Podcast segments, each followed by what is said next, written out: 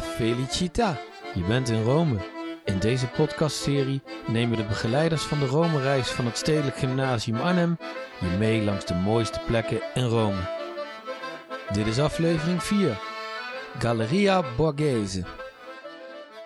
Ik ben Martine Drogendijk en ik ben vandaag op pad met Sylvia Slop. Sylvia, we wandelen nou een park in. Vertel eens, waar zijn we? Ja, dit eh, mooie plekje is aan de noordzijde van de stad, buiten, net buiten de Aureliaanse muur. Het is een fantastisch eh, park, Villa Borghese. Heerlijke plek om te wandelen en een beetje te mijmeren en een ritje te maken op de familiefiets. Oh, daar gaat er een. Ja, lachen. hè? Maar dat ziet er toch niet uit? Nee, het ziet er niet uit, maar het is echt leuk. Eh, en, en je kan ook heerlijk schuilen voor de zon en naar de vogeltjes en plantjes en de diertjes kijken. Ja, de natuur, daar hou jij natuurlijk van. Jazeker. Maar we komen hier voor iets anders, toch? Jazeker. Eh, Thuis heb ik een, eh, een reservering gemaakt of een bezoekje aan de Galleria Borghese. Zullen we erheen lopen? Ja, doen we.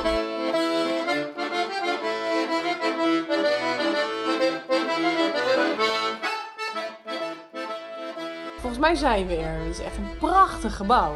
Ja, het is, het is fantastisch. Het is neergezet in de late barok.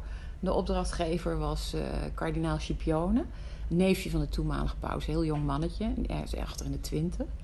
En hij heeft het speciaal gebouwd eh, voor zijn kunstvoorwerpen. De stijl lijkt ook een beetje op een klassieke Romeinse villa. Dat was in die tijd dat ze het oude Romeinen, Rome wilden laten herreizen. Ja, nee, dat is goed te zien inderdaad, ja. Ja. Maar je zei net, het is speciaal voor die kunstvoorwerpen neergezet. Ja, en voor, eh, om de eh, pauselijke gasten de ogen uit te steken natuurlijk ook. Ja, dat snap ik wel. Dat ziet er zo mooi uit. Nou, we zijn binnen. We kunnen hier uren rondlopen. Er is enorm veel te zien. Maar jij hebt speciaal iets op het oog, volgens mij. Ja, ja, ja, we richten ons vooral op eh, Gian Lorenzo Bernini. 1598, 1680 leefde die. En eh, hier staan heel veel kunstwerken die hij speciaal ook heeft gemaakt voor deze villa. De Apollo, eh, Apollo en Daphne, 1622, is nooit uit deze ruimte gegaan. Speciaal voor die ruimte ontworpen ook. Dus die staat al die eeuwen al hier. Ja, is nooit eruit geweest. Oh, dat is wel bijzonder. Je kan er helemaal omheen lopen. Het ziet er fantastisch uit. Eh, maar het was natuurlijk wel een beetje een heidens beeld hè, voor een eh, kardinaal. Ja, dat is wel raar, ja. Ja, dus er zit een soort moraliserend eh, tekst op de sokkel. Zo van, eh, ja, als je de lust najaagt, zit je alleen maar met hout in de handen, zoiets. Oh, echt? Ja. Wat flauw, joh. Ja, heel flauw. Maar die Bernini die je noemde, die heeft nog veel meer werk hier staan. Hè? Ja, Ja. dat kunnen we eigenlijk allemaal niet eh, opnoemen. Maar ga het alsjeblieft zien, want joh, je krijgt er kippenvel van. Eh, het is werkelijk prachtig hoe hij het marmer tot leven brengt. Maar jij hebt eh, een beeld van Bernini hier waar je even heen wilt, wat jij graag wil laten zien. Ja, laten we even wandelen naar de tijd ontsluiert de waarheid. Oké, dat doen we.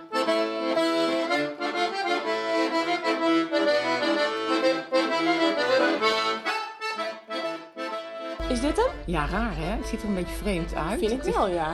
Het beeld is namelijk niet af. Ja. Je ziet dat de tijd ontbreekt. En de stutten aan de vingers van de waarheid. De vrouw is de waarheid met het zonnetje. En het is ook een heel Ruben, ja, Rubens lijf. Het is echt een quintessens van de late barok, dit beeld. Ehm, maar goed, hij heeft het, het is een heel persoonlijk beeld. Dat vind ik zo mooi eraan. Want hij heeft het gebouwd in de tijd dat hij onterecht beschuldigd werd van... eh, ja, structureel eh, fouten maken in de bouw van de nieuwe eh, Sint-Pieter. Wat dus gewoon niet waar was. En daar was hij heel oh, ja, ja, verdrietig over. Ja, dat snap ik wel. Dat is ook niet leuk natuurlijk als je onterecht beschuldigd wordt. Ja, precies. Hij heeft wel steeds gehoopt het beeld ooit af te maken. Is niet gelukt. Het heeft altijd bij hem thuis gestaan. En heeft het overgedragen aan zijn zoon. eh, met een soort waarschuwing van let op, de, waar, de waarheid komt altijd boven. Ehm, en het is pas in 1924 verplaatst naar dit, deze mooie ruimte. Deze, Oké. Het, het is inderdaad een apart beeld. Hè? Je zei, die- de waarheid is dus die vrouw. En, en daarboven zie je dan... de- ja, dat beeld van die tijd ontbreekt dan. Maar je ziet nog, wat zie je nou daar wat boven die vrouw dan? Ja, daar zie je die ontsluiering, dat, dat, Oh, die dat doek. wat er zo weggetrokken wordt. Ah, dus dan haalt de tijd dat weg zo. Ja, Ja. dat is mooi. Mooi gedaan inderdaad, ja. En je zei, hij heeft het niet afgekregen. Waarom was dat eigenlijk? Ja, waarom was dat? Het zou maar zo kunnen. Ik denk dat dat weten we niet zo goed. Hij heeft iedere keer weer gedacht: ik ga het uitwerken. En dan lukte dat toch niet. Het zou maar zo kunnen dat hij moeite heeft gehad met het, eh, het per- de persoon, de tijd. Ja, oké. Om, om dat Ja. te verbeelden. En misschien ook letterlijk met de tijd, want hij had natuurlijk ontzettend veel opdrachten altijd. Zeker. En ehm, ja, het, het is, ik vond het heel bijzonder om met jou even bij dit beeld te staan. Omdat, eh, ja, je vertelt het ook een persoonlijk beeld. Hè? En ook een beetje een apart beeld, omdat het helemaal niet helemaal af is. Dus, eh, en ik had het nog niet eerder zo goed bekeken. Dus ik wil je heel erg bedanken. Nou, graag gedaan. Ja, de- bedankt dat je ons hebt meegenomen naar jouw favoriete plek. Dit waren Sylvia Slop en Martine Drogendijk vanuit Rome. Geniet van je reis en luister ook naar de andere afleveringen van deze podcastserie.